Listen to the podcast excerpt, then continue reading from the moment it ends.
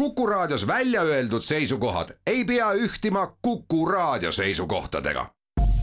Te kuulate Kuku Raadiot.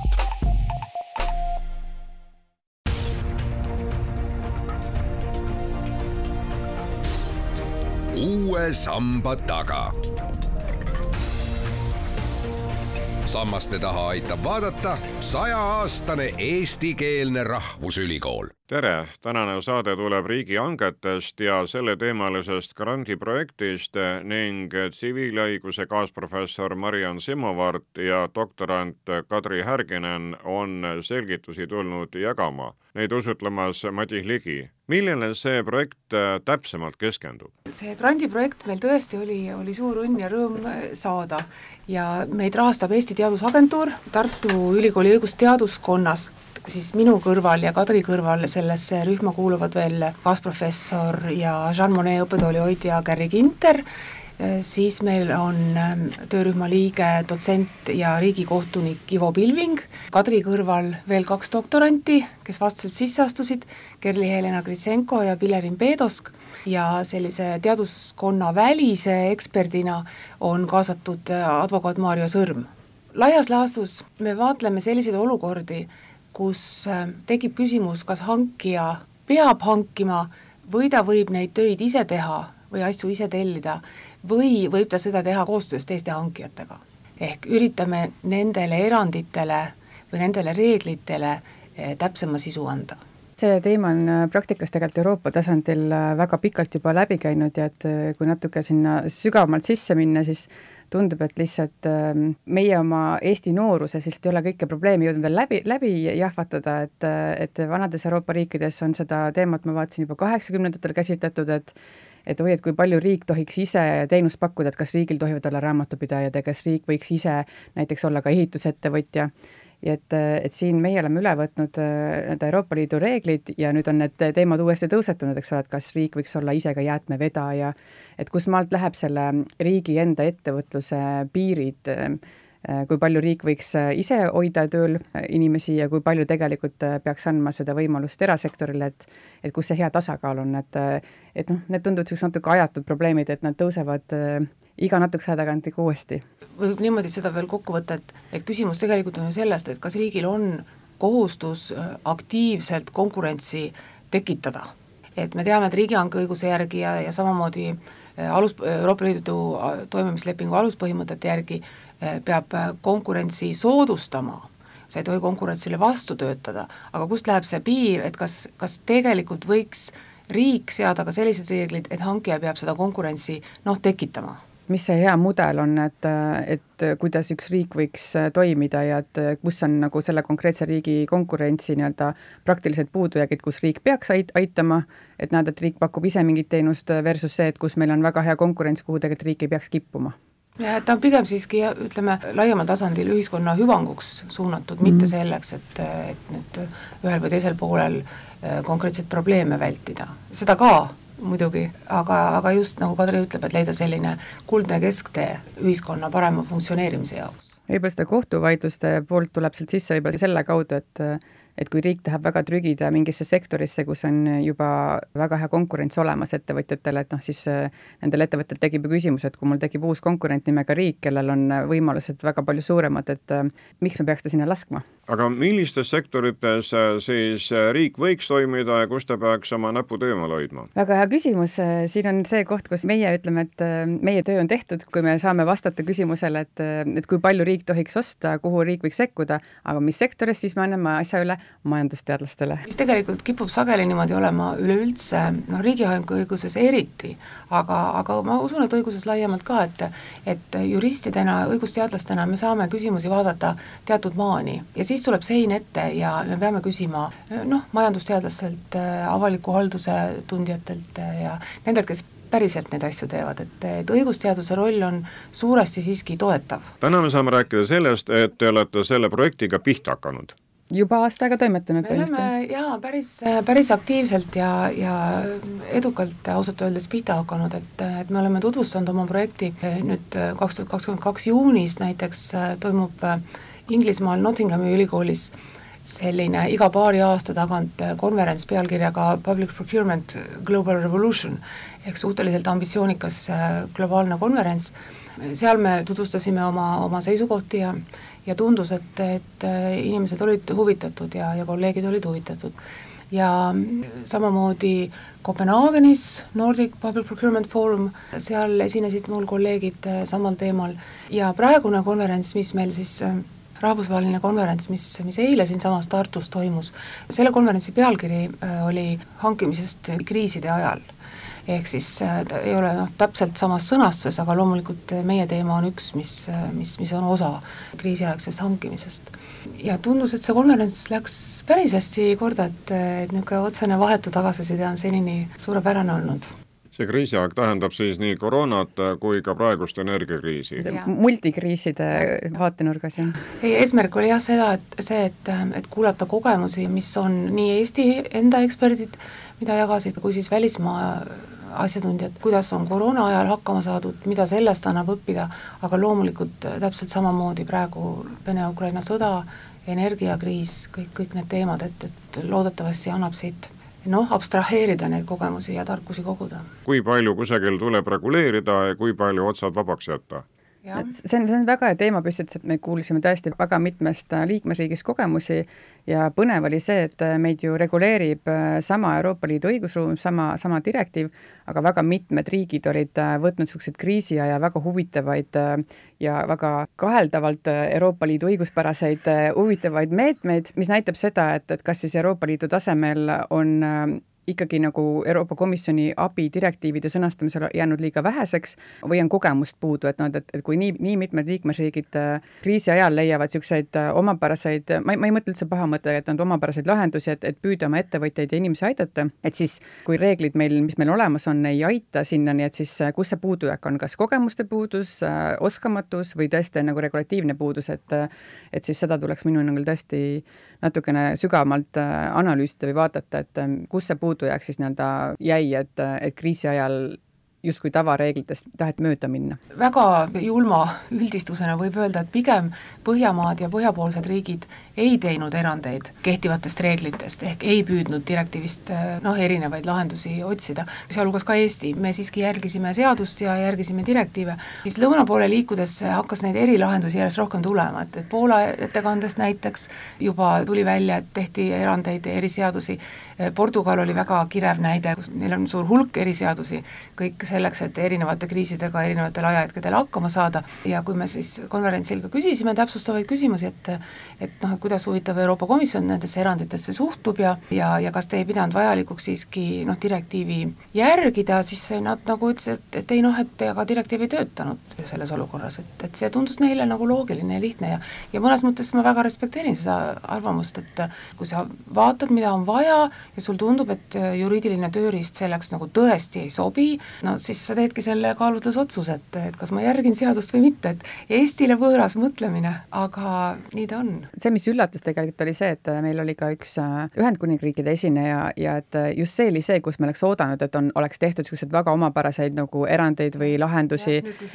jah, aga vastupidi, nad olid väga Euroopa Liidu niisuguse mm, õigusliku mälutruud äh, ja tegid nagu põhimõtteliselt nagu siis meie ja, ja Põhjamaad, et jälgisid tegelikult niisugust nagu kirjasõna ja ei loonud nagu erilahendusi, et, et see üllatas, et kas siis nii-öelda põhja pool on see loomingulise piir on nagu väiksem ja alla, allapoole siis tekib see tagasi. kas teie konverentsil oli jutuks ka see meie maskihange, mille pärast haridusminister tagasi astus, kas see juristide jaoks on probleem? jaa, see kaasus oli jutuks, see kaasus oli jutuks mitte ainult Eesti esinejate poolt, sarnaseid kaasuseid on ka teistes riikides, nii et see oli tegelikult, võib öelda jutumärkides, Kersna kaasus oli läbiv teema sellel konverentsil ja see on, kui sa küsid, et kas see on juristide jaoks probleem, noh, ma saan rääkida muidugi ainult enda eest, et jumal tänatud, et see asi nüüd lõppes ja seda kaasust enam ei ole. mina kirjeldaksin seda kaasust ähm, sõnaga nõiajaht. see ei olnud okei okay,, mis Kersna suhtes äh, tehti.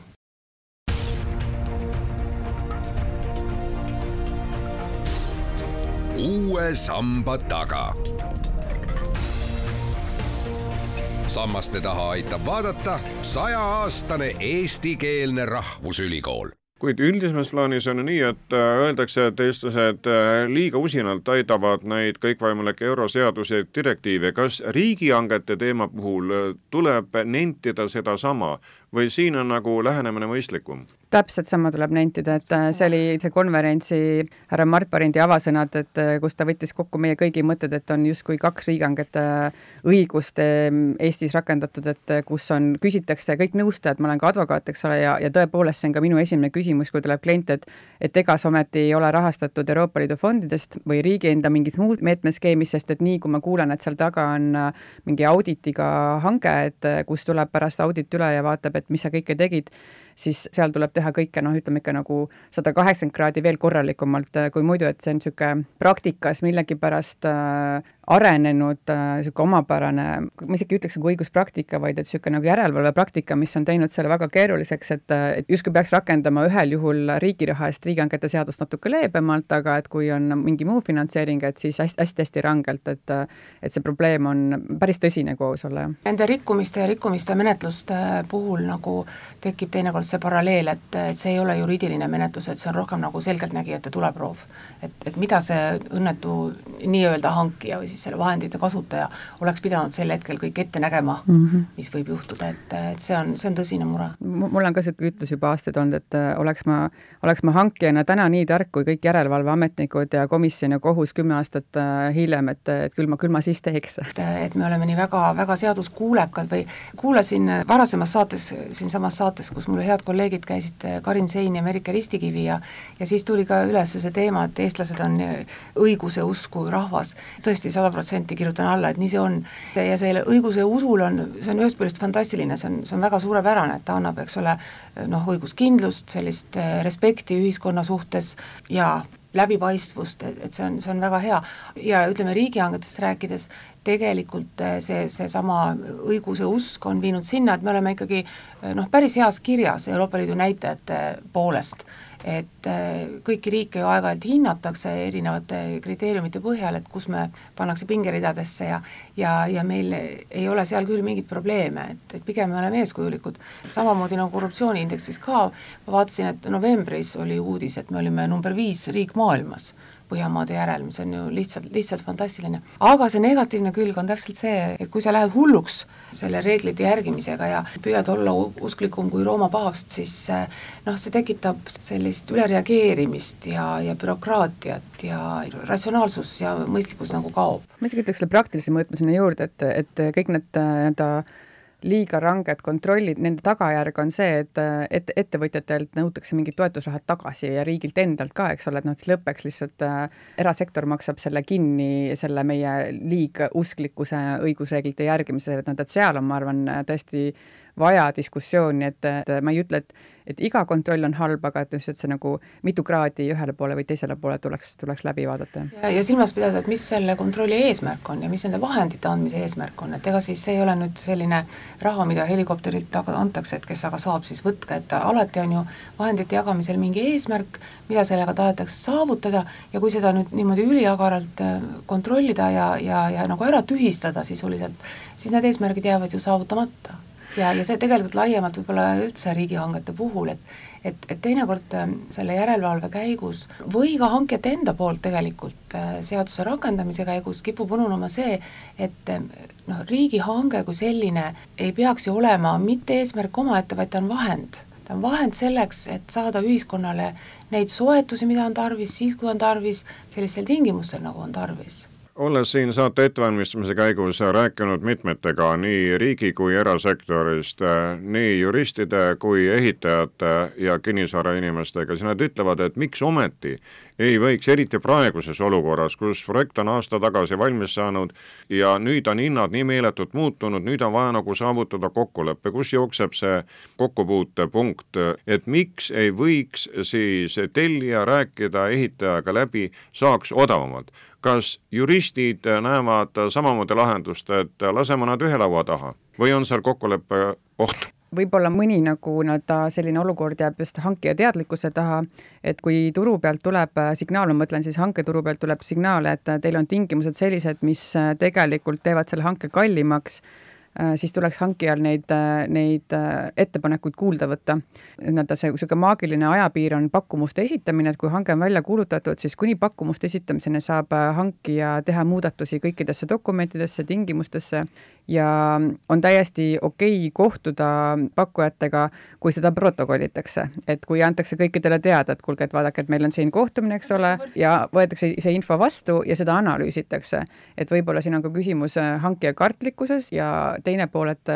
et kui turg ütleb, et äh, hanke ei taha kuulata, et äh, see ei ole nagu tegelikult seaduse probleem, et seadus võimaldab seda et äh, tulge, tulge ja muutke, lihtsalt et äh, hankija ei taha võib-olla seda teha, ta ütleb, et seadus ei saa, äkki tal pole lihtsalt eelarvet selle jaoks, et noh, et me siis ähm, katame ennast seaduse maskiga, kuigi tegelikult meie vastus on see, et me ei taha seda muuta. tegelikult võiks ju hankija teha vabalt äh, turu-uuringu ja ka selle käigus kohtuda asjatundjatega enne seda, kui ta hanke välja kuulutab, ehk siis ettevalmistamise faasis. see on täiesti lubatud ja noh, loomulikult see, et, et sa siis selle hanke ettevalmistamise käigus ei, ei tee rätsepaülikonda siis selle ühe ettevõtja jaoks, kellega sa konsulteerid, aga aga kui, kui sa objektiivselt ausalt nõu küsid või, või turusituatsiooni kaardistad, see on täiesti okei okay ja see on väga soovitatav. siis, siis on järgmine samm muidugi see, millest sa rääkisid, et, et kui siis siiski tuleb signaale juba välja kuulutatud hankes, et, et midagi tasuks teisiti teha, ka seda tasuks arvesse võtta, eks selline koostöö ja, ja usaldus võiks olla rohkem osapoolte vahel. teine moment on ka veel see, et tõepoolest on kahte liiki hankemenetluses,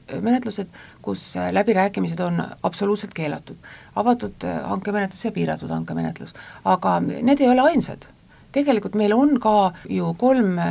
siis hankemenetluse liiki, kus on läbirääkimised täiesti aktsepteeritavad ja nende kasutamiseks on seaduses antud ette põhjused või tingimused, kui need esinevad, millal neid saab kasutada, ma olen täitsa kindel, et neid alakasutatakse. ma lisaks siia ühe mõtte veel, et äh, mida tegelikult seadus ei nõua täna, aga mida on turuosalised samamoodi ka ehitusettevõtjad on maininud, et äh, tahaks õudselt anda pärast projekti elluviimist hankele tagasisidet, et, et mis läks hästi, miks läks halvasti, et noh, see on asi, mida me teeme advokaatidena, projekti juhtimise inimestena, et, et kui on projekt läbi ja vaatame peale, et mis meil sellest õppida on. Et mulle isiklikult väga meeldiks, kui seadus tegelikult nõuaks hanketelt seda, et pärast, äh, ma ei tea, teatud piirmääraga maksumusega lepingut, sa pead kohtuma äh, pakkujaga ja te peate koos kirja panema seal, et millised olid õppetunnid hästi ja halvasti, sest et sellest tekiks lõpuks hankijatel äh, kogemuse baas, eks ole. jah, et noh, mis tähendab seda, et, et ei, ei, et me ei käi nagu samast ämbrist äh, uuesti samasse ämbrisse, et võtaks mõne uue ämbri, kus me oleme juba natuke midagi õppinud, eks ole. viibki sinna, et tegelikult võib-olla lepingu täitmisel pakkujal on veel rohkem infot hankijale, mis on nagu see hankija nii-öelda pimeväljas, et et siis võib-olla tuleks sundida lihtsalt hankijaid rohkem koguma seda infot ja analüüsima enne uue hanke algatamist. see seostub tegelikult sellesama usald-, usalduse ja koostööga eks ole, et, et kuidas hankija mm. ennast positsioneerib, et kas ta positsioneerib, et me oleme nagu vastas, vastaspooled, natuke nagu vaenulikud või või, või niimoodi, et aga ei peaks, kuidas seda saavutada, kas see on ühiskonna arengu lihtsalt paratamatu etapp, ma ei, ma ei oska öelda. siis tulebki nagu või, või siis ergutada. jah ja., ergutada kas, kas õiguse, õigusega või siis selliste noh, soovitustega ütleme ka, et, et sellist, sellist usaldust äh, ja võiks, võiks rohkem olla ja just paranoiat ja kahtlustamist äh, natukene vähem. hankeleping, kui me lõpuks lepinguni jõuame, siis see on lepinguline suhe ja mis peaks lepingulist suhet iseloomustama, on märksõnad nagu dünaamilisus, paindlikkus, koostöö. see number üks eesmärk, mida lepingupooled peavad tegema, see on koostöö mitte ainult see, et sa ajad seaduses või siis lepingus näpuga järge, aga et sa siiralt tahad teise poolega ajada ühist asja. noh, paratamatult me ei saa seda teha hankemenetluse jooksul, sest et siis tõesti tekib küsimus siin noh, reeglite rikkumisest ja, ja idee rikkumisest ka, et konkurss peab olema võrdne, aga kui selle arusaamaga lähtuda, et me suuname oma jõupingutused sellele, et lepingu jooksul meil oleks hea koostöö, et võib-olla see on see vaatenurk, mis vajaks parandamist, et me ei ole vaenlased et tegelikult me otsime ju koostööpartnerit. aitäh teile, kaasprofessor Mariann Simovart ja doktorant Kadri Härginen, küsija oli Madis Ligi.